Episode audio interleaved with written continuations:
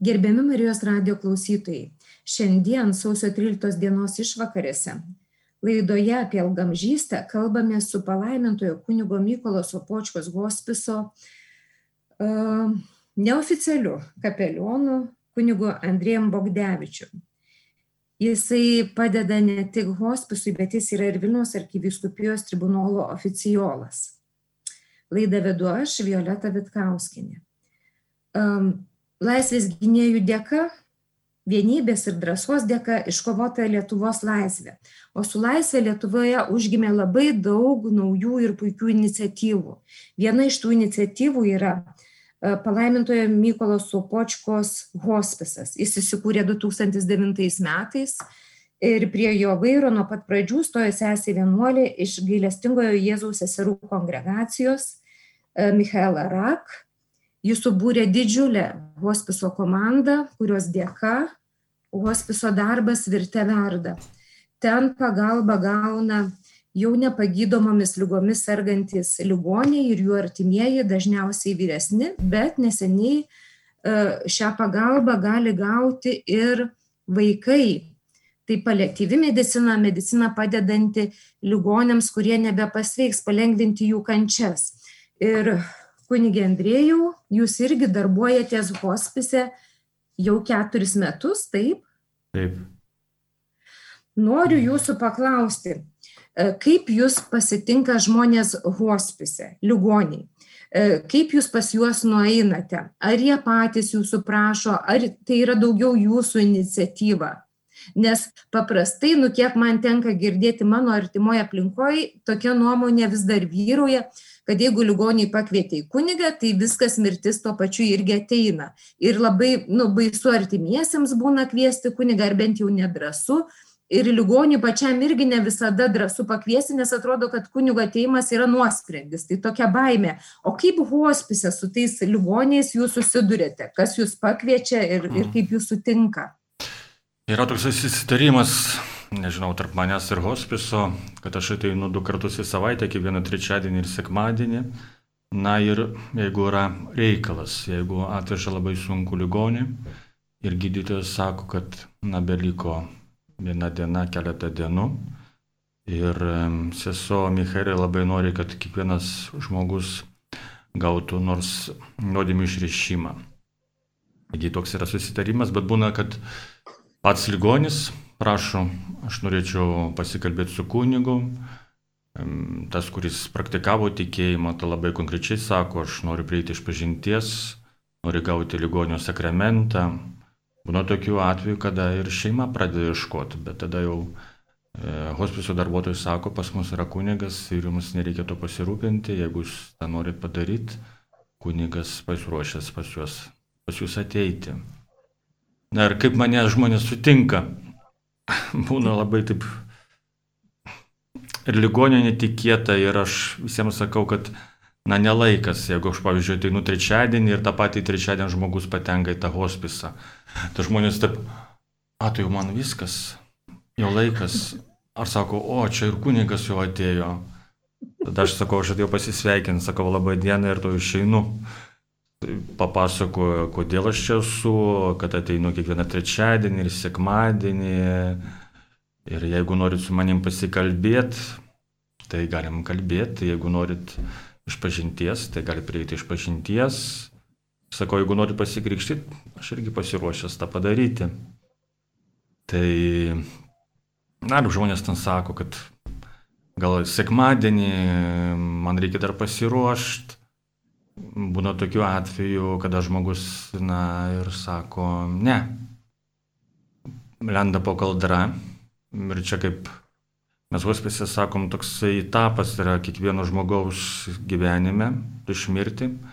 Čia broliai seserys sako, tai kiekvienas per tai mes praeisime, kada išgirsim diagnozę, kad mes tavo jau gydytojai sako, nieko negalim padėti.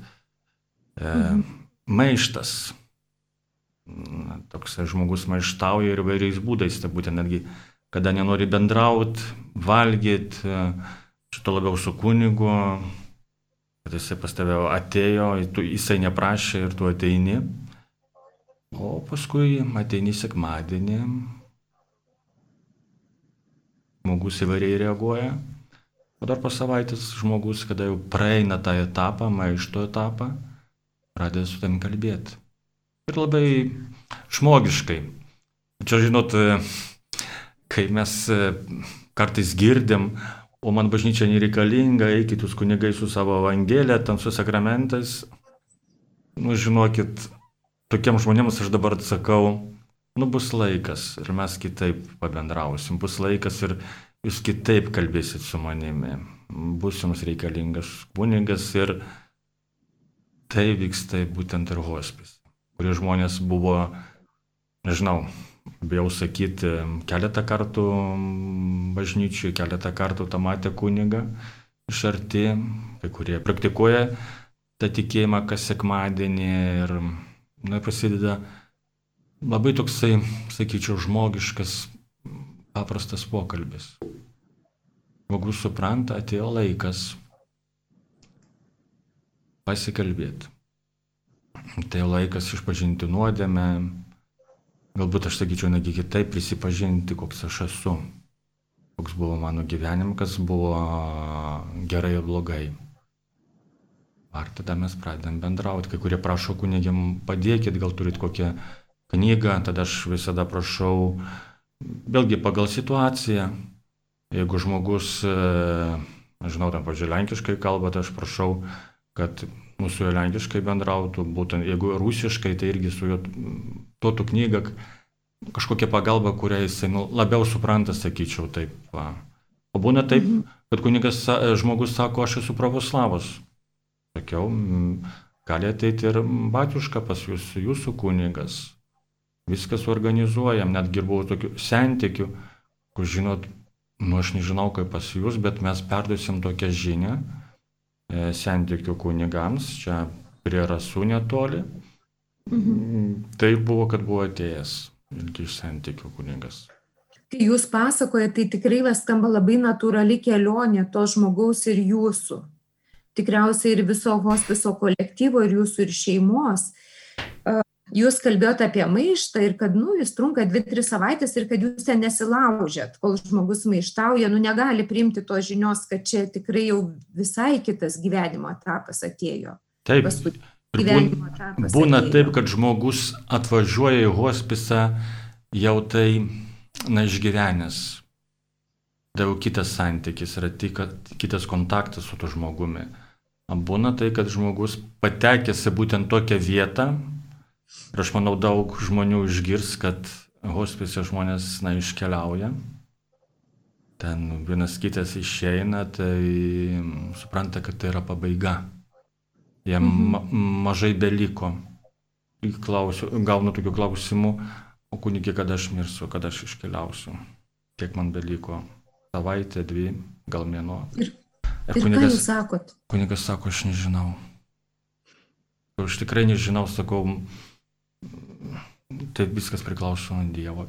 Ir žinot, čia kas dabar girdi, na, galbūt kažkam tai yra banalu, bet, nu, ligoniai, nu, tai priima. Užtenka būtent tokio paprasto atsakymo. Aš nežinau. Ir kai kurie pasako taip, jūs esate tik žmogus. O priklauso viskas nuo jo. Aš suprantu, kad tie pokalbiai tam tikrą prasme yra mažai žodžių ir daug tikrumo. Taip. Ir, e, žinot, tam nereikia skubėti. E, užduoti klausimą, norit išpažinties, norit priimti švenčiausią sakramentą, ten reikia palaukti, kad tau atsakytų. Todėl, kad žmogus dar masto, o būna tokiu atveju žmogus e, neturi jėgų fiziškai to atsakyti. Netgi pasakyti ne arba taip. Negali pasisukti, jam, jam sunku. Ir nežinau, vieną kartą save pagavau, buvo toks ligonis Tadas, e, labai sunkiai sirgo ir aš galvoju, kad jisai nieko nesupranta. Nu, tiesiog jisai žiūri į tave, galvoju, kad žmogus nesupranta. Aš prieidau prie jo, sukalbėdavau tėvę mūsų, ten sveika Marija, suteikiau ligonių patepimą, išrišimą, tai aišku, ne. Viskas, ką kuningas gali padaryti, padariau matau, kad jisai nevalgo, jam jį maitina per, nežinau, per zondą, kaip sakomės ligoniai. Ir kitą kartą, kai atėjo žmona ir aš jau pradėjau su ją kalbėti, aš matau, kad tas žmogus reaguoja ir pykstant manęs, kad aš su juo nesikalbėdavau. Randat, nu aš ateinu kaip pas kiekvieną ir jeigu žmogus reaguoja, tai reaguoja, tai nebuvo, kad atsistoji, sukalbėjai maldas ir bėgi toliau, ne. Nu, pabūni, aš galvoju, kodėl aš jam nieko nepasakydavau. Aišku, jis tau nieko negali sakyti, atsakyti, bet aš mačiau būtent tada, kad nu, žmogus man pyk, ant manęs pyksta, kad aš jam neskiriau laiko. Tokia, ne vien sukalbėti maldą, ne vien ligonių pateipimas, nu, galbūt kažkas manęs čia ar sukritikuos, kad čia labai daug, bet ten reikia tokio žmogiškumo. Ten hospisas tai nėra namai, e, ligoninė, kur gyvi žmonės. Ten žmonės gyvena ir tai yra didelis skirtumas. Čia kunigas ir gydytojas ir nežinau, ir kiekvienas, kuris dirba, ligoninį turi suprasti, tai yra žmogus, kuris gyvena. Jisai irgi nori gyventi ir iki mirties jisai gyvens. Kai jūs kalbate, aš suprantu, kad jūs ir pats mokotės iš tų ligonių ir dar toks paradoksalus dalykas, jau atrodo šitam gyvenimo etape, kai tu atsiduri hospise, kai jau žinai, kad sergi nepagydoma lyga, tai kažkaip tas lyg tai kaip tik reikia skubėti ir jūs sakot, nereikia skubėti. Nei, čia, čia, a, ne, aš savęs stabdau, suprantat, neskubėk, Andriu, sustok pabūk. Žinokit, kiekvieną kartą, kaip ateinu, jeigu, nu aš sakau, per trumpai buvau, nu visada ar aš kiekvienam ligoniui skiriau pakankamai laiko. Ar neskubėjau. O tokia visada sąžinės priekaištas savo pačiam. Mhm. Ar pakankamai laiko buvo, buvai hospise. Mhm. Žinot, visai neseniai popiežius Pranciškus uh, organizavo tokią konferenciją prieš pat pandemiją apie ilgamžystę ir ten išgirdau tokią labai, nu, man naują mintį, jums tikriausiai ne, bet aš labai norėčiau, kad jūs ją pakomentuotumėt. Jisai sako, kad senatviai, ar ten jau rimtai lygai ištikus, senasis prieimas prie žmogaus nebetinka, nes jaunesnio žmogaus gyvenimo prasme yra ar ten šeimą sukurti, ar darbą susirasti, kuris būtų ir prasmingas, ir naudingas, e, kažkur pakeliauti, kažką nuveikti, dalyvauti. Ir senam žmogui jau visai nebetinka tokie gyvenimo tikslai. Ir popiežius Pranciškus sako, kad nu reikia labai gerai pagalvoti, tai kokia prasme yra to žmogaus, kuris jau laukia visiškai savo saulėlydžio. Kaip jūs matot, kokia vat šitų žmonių, kurie eina jau į, į, į amžinybę, kokia yra jų gyvenimo prasmė, kokia būna jūsų kelionė su tuo žmogum. Juk būna nebūtinai tas vienas susitikimas, būna tikriausiai ir penki, ir gal net penkiolika.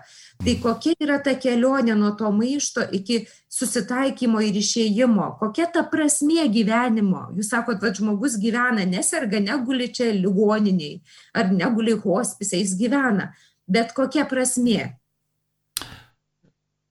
Žinot, kartais žmonės ten klausia ne tik tai va, apie buvimą šitoje ligonėje, kas mane laukia iki mirties, va, kiek man čia beliko, bet užduoda klausimą ir, na, tiesiog metą tai, ar mano gyvenimas turėjo kažkokią prasme, ar mano nuvykti darbai turėjo prasme, ką aš padariau, ar aš padariau kažką gerą, ar kažką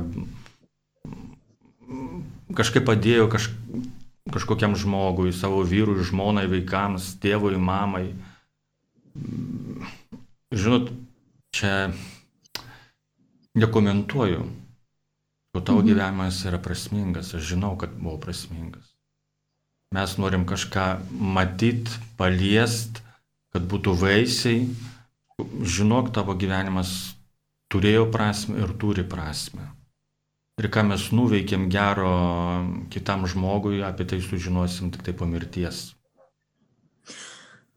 Bet kunigė, žiūrėkit, nu, pasitaiko, kad žmogus į gyvenimo pabaigą pradeda suprasti, kad jis kažkaip, nu, nemažą dalį gyvenimo ar kokią atkarpėlę elgesi tikrai blogai. Nu, iš nežinojimo, iš nemokėjimo, iš nesupratimo dėl labai sunkių aplinkybių, nu, dėl visko. Taip. Bet elgesi blogai, ne? Ir kaip jam nusiritinti tą akmenį, e, kad, nu, kažkaip, va, jūs sakot, taip užtikrintai, aš žinau, kad to žmogaus gyvenimas turėjo prasme, turi prasme, mes tik sužinosime vėliau, bet kaip, nu gerai, hospise jūs ateinat, bet kiek yra namų šeimų, kur yra, nu ir žmogus kamuojasi ir artimieji kamuojasi, gal, nu, tuose klausimuose, ką jūs pasakytumėt, kaip jūs ar paguostumėt, ar pastiprintumėt, ar kryptį parodytumėt? Nusakoma, taip ir sako man, kad Jeigu gyventų, galėčiau galimybę gyventi gyvenimą kitaip, gyvenčiau kitaip. Arba dar sako, žinot, kunigė, bažnyčiai sako viską tiesą. Aš turiu būti madingas. Kažkas pasakys, pasakys iš jaunesnių krūtas, patik draugams, man taip sako, žinokit. Bet sako tiesą, šventajame rašte rašyta tiesa, aš taip reikia gyventi. Ir tada sakau, gerai, kad dabar tai suprantat, Nors dabar ir e, toliau, na, žmogus nėra tobulas, ko aš irgi turiu nuodėmių, jūs turėjot nuodėmės, kiekvienas žmogus yra nuodėmingas ir tam yra išpažintis. Mes galim prisipažinti e, Dievui, kad esame nusidėję, bet turim laiko ir paskambinti, nežinau, draugui, žmonai, vaikams, sakyti atsiprašau. Čia, na, tokia situacija buvo hospicinis, sakysim, vardu. E, vienišas žmogus ir kažkaip jisai prasitarė, kad turiu sūnų. Sūnus tarnauja kariuomeniai. Ir sesuo Michaelė surado tą sūnų pagal pavardę. Ir e, paskui jau tėvas, tas sūnus atvažiuoja įvyksta susitikimas, žmogus žmogui žiūri akis, ašaros ir e, tėvas iškeliauja. Paskui sunus pasakoja sesė Michaeliai, kad jie ilgus metus nebendrauja, nebendravo. Štai suprato, kad šią akimirką jie vienas kitam atleido. Be žodžių be gražių frazių, be gėlių, bet atleido. Ir yra ramybė. Ir tai yra hospiso užduotis. Padėti žmogui susitaikyti ne tik tai su Dievu, bet ir su žmonėmis ir su pačiu savimi, kad aš nesu tobulas, nesu angelas. Sekantis klausimas, kunigė, žiūrėkit. Nu, vis tiek per gyvenimą mes su artimaisiais susiriejam ne kartą, atleidžiam, paskui neatleidžiam, ten visokių nuoskaudų prisikaupia ir būna, kad ir prieš mirtį gal netaip jau paprasta atleisti. Artimiesiems turiu omeny. Gal tam jau iškeliaujančiam net lengviau tam tikrą prasme, nes jis jau e, labai arti kitos realybės yra ir kūnas tai jaučia. Bet dabar, ką jūs ar patartumėt, ar ką jūs artimiesiams pasakytumėt, kurie, nu, pavyzdžiui, kažkoks skaudus dalykas, kur taip pastringa gerklėje ar širdį, kad tu negali ką jūs patartumėt iš visos savo patirties hospise, kad, nu, kaip, kaip, kaip pereit tą? Mes tiesiog kviečiam į tos žmonės, paliekam juos ir jie kažkaip pabendrauja. Arba patylė vienas su kitu. Paima už rankos. Žinot, tos visus nuoskaudos, toks rementnikis tą, tą akimirką. Žmonės džiaugiasi, kad jie yra kartu. Ką jie padarė? Jis sako, atleisk man, aš atleidžiu tau. Bet pats buvimas yra jau, na viskas jau pasidaro aišku. Mhm. Hospisas suorganizuoja, padeda, pakviečia. Ir arba aš, arba sesuo Michaelė, arba ten kiti darbuotojai paragina Sako, gal jūs norit, kad tas žmogus ateitų pas jūs? Mes ieškom. Gal norit paskambinti tam žmogui? Buvo tokio situacijų, kad vaikai atskrido iš užsienio netgi pas tėvą. Susitaikyti, pabūti kartu ir išskrido. Tėvas iškeliavo. Tai reiškia, e, nu, hospiso darbuotojai padeda ligonėms, nu, tą tokį gal vidinį norą paversti realybę. Taip, ir padeda praeiti kiekvieną etapą, nepalieka į vieną, nes yra maištas, e, netgi nuo to pirmo žingsnio, kaip Aneta čia minėjo iš hospiso, kad nu, tau pasako diagnozę, galutinį sprendimą, ne, tau mes medicina mhm. negali padėti. Ir tu negali žmogų apgaudinėti. Sakyti jam, nu pasveiksi, duosim stebuklingų vaistų, kunigas pasimelks ir viskas bus gerai, paukosiu mišęs, va prieisi iš pažinties, gausi švenčiausią e, sakramentą ir išeisi iš ligonės. Mm, negalima apgaudinėti. Ir man, esu Michailė, aš prisimenu, kaip atėjau pirmą kartą, sako, než, nieko nežadėk šitiems žmonėms. Nesakyk, kad jie pasveiks. Kad e, kunigas padeda, gydytojas gydo, na, o Dievas išgano. Mes esame tik tai žmonės. Kunigė, aš dar noriu paklausti, nu kokia apie gyvenimo prasme atsakė, bet gal kokia mirties prasme ir kokia viltis, kame ta viltis mirštančiojo, liekančiųjų? Dievas yra.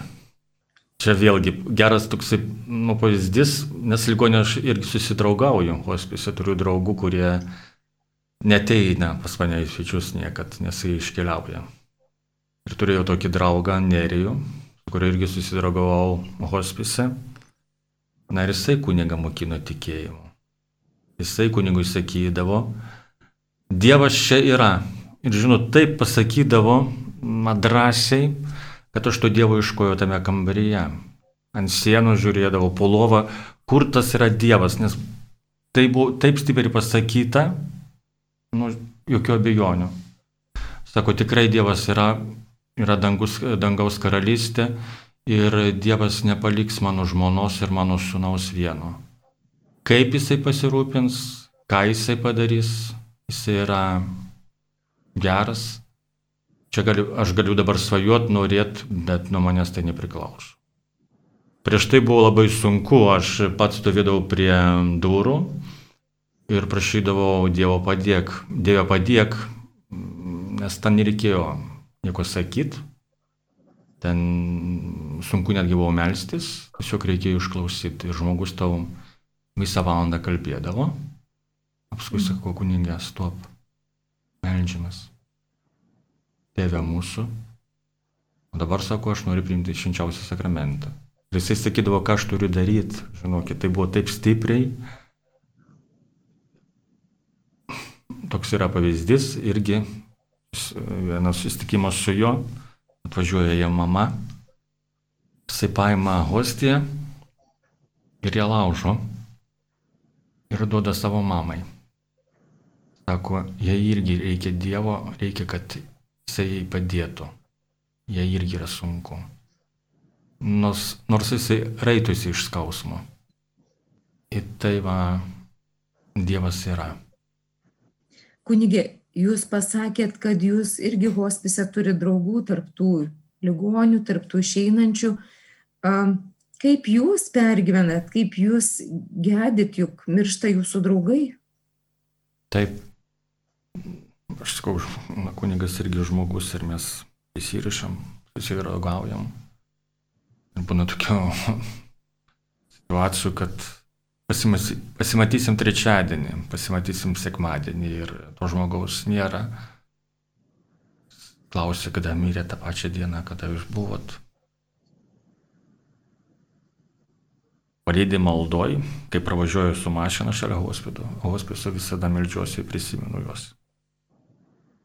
Ir žinau, kad e, jie irgi, kai yra hospise, meldžiasi už manęs, nes aš jų prašau Man irgi yra sunku, išgyvenu tokią krizę, ten, ai, ten susipykau su tėvu, sesę, pasiverskit, nes irgi nesu geras. Va.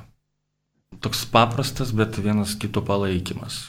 Na ir jie klausė mhm. manęs, kaip ten sus, susikalbėjai su tėvu, ten išsisprendė tą situaciją, viskas ten gerai. Nu, kažkaip, kažkaip jo. Ir jie, aš jiems sakau, reikia atleisti, jie man sako, tu irgi atleisk. Ir tą padaryk, ne. Nevaidinam vienas prieš kitą. Esame labai paprasti. Kunigė, dar norėjau jūsų paklausti. Aš girdėjau apie tokį nu, nuostabų dalyką, apie tai, kad hospise būna pildomos žmonių svajonės. Mhm. Jie mėgsta kažkokį maistą, tai tada jie valgo, nu, jiem paruošiamas kažkoks maistas, jeigu gėrimas, net ir alkoholinis, tai sesuo Michaela ant padrukus pasikeišęs ieško. Jo, aš. Prisimenu tokią, prisimenu tokią situaciją, ateinu, ateinu į palatą, ten alus stovi, sakau, kas čia darosi. Man atsako, ačiū man vis su Michaelė davė, aš prašiau, jinai davė. Beveik pavydu. Taip. Tai aš gal ar ten jachtą, ar limuzinas, aš kažkada skaičiau, taip savo akim žiūriu ir negaliu patikėti. Ir galvoju, nu, man toks durnas gal klausimas, bet galvoju, nu, žmogaus gyvenimo pabaiga. Visi mes ten kažką klydom, netaip darėm. Ir dabar, nu, gal laikas jau ir atgailoti, gana čia jau tų pramogų. O čia prieš pat mirtį dar jachtą, dar limuzinas, tai kaip tas kaltes tada išpirkti, kai svajonės pildomos. Jūs paaiškinkit, kodėl ten prieš mirtį niekas nieko nekeičia. Aš suprantu, sesuo Michaela su visa komanda nu neverčia to žmogaus persigalvoti. Nu, bet kažkaip lyg ir įvyksta tas savaime, nu, kažkiek, kad nu, su artimaisiais suveda, kad įvyktų tikrai nu, prasmingai tas e, paskutinis gyvenimo etapas. Bet aš galvoju, kaip taip, nu, ji ne, nesinori pakeisti biški ten to žmogaus. Aišku, kai labai sunku, labai kenčia, bet nu vis tiek pasakykit. Na, žmonės atgailauja prieina iš pažinties ir iki to Dievo galestingumu.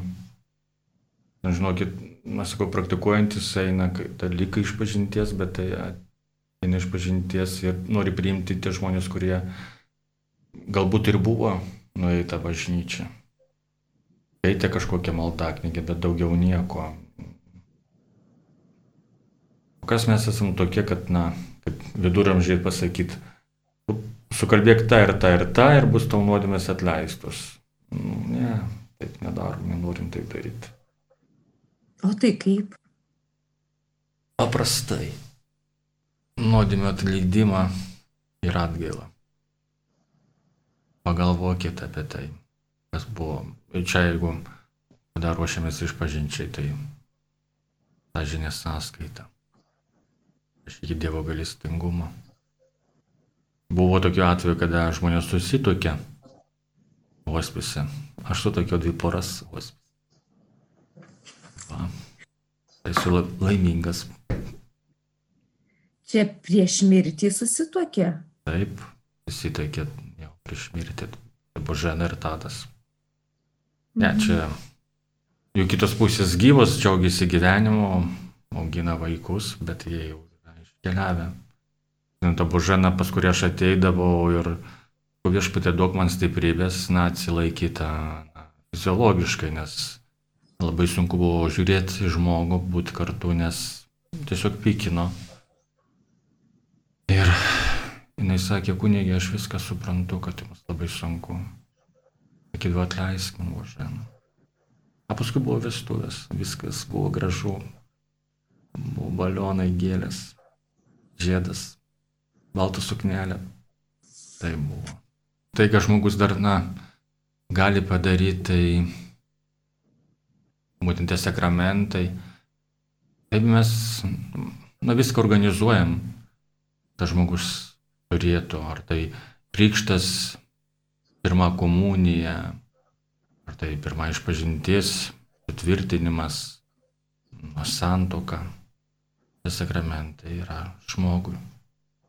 Buvo tokiu atveju, kad žmogus sakė, aš noriu sudalyvauti mišiuose. Tai buvo šventos mišios. Buvo ir taip. Mhm. Aš tada dar, nu, bet iš jūsų suprantu tokį dalyką, kad kai žmogus susirga, kad ir labai sunkia lyga, ir jau ta lyga, kuri bus ir paskutinė jo gyvenime, tai gyvenimas tęsiasi. Taip. Daug ir tylos, daug ir kančios, daug ir džiaugsmo, kur įmanoma. Ir aš suprantu, kad visi stengiasi, kad tas gyvenimas būtų pilnatviškas kiek įmanoma. Taip. Taip. Aš tokį klausimą visai dar kitokį.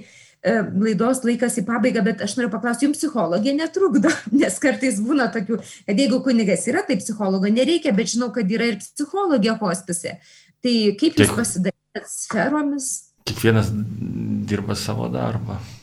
Aš dirbu savo, jie dirba savo. Tas žmogus būna 24 valandas per parą. Ir čia, kaip jūs sakėt, mažai beliko, bet negulėsi, nelauksi. Sunku laukti.